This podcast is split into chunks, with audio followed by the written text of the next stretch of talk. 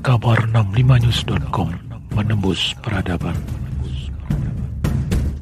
Saya sudah uh, menelpon uh, Gubernur Kalimantan uh, Selatan untuk mendapatkan uh, laporan mengenai banjir yang ada di Kalimantan Selatan dan saya juga telah memerintahkan Kepala BNPB, telah memerintahkan juga kepada Panglima TNI dan Kapolri untuk uh, secepat-cepatnya mengirim uh, bantuan, terutama yang berkaitan dengan uh,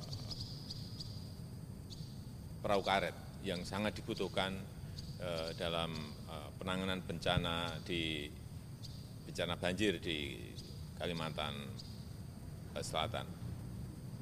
Sekali lagi saya mengajak kepada masyarakat untuk selalu meningkatkan kewaspadaan dari bencana banjir, longsor, karena bulan-bulan uh, ini terjadi peningkatan uh, curah hujan yang uh, cukup ekstrim. Dan perhatikan selalu peringatan dini dari BMKG. Saya akan terus memantau perkembangan bencana di tanah air, baik yang ada di Sumedang, yang ada di Majene, Sulawesi Barat, kemudian yang ada di banjir yang ada di Kalimantan Selatan. Dan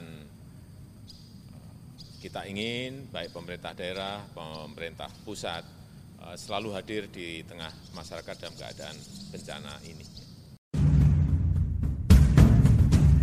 Kabar 65news.com menembus peradaban.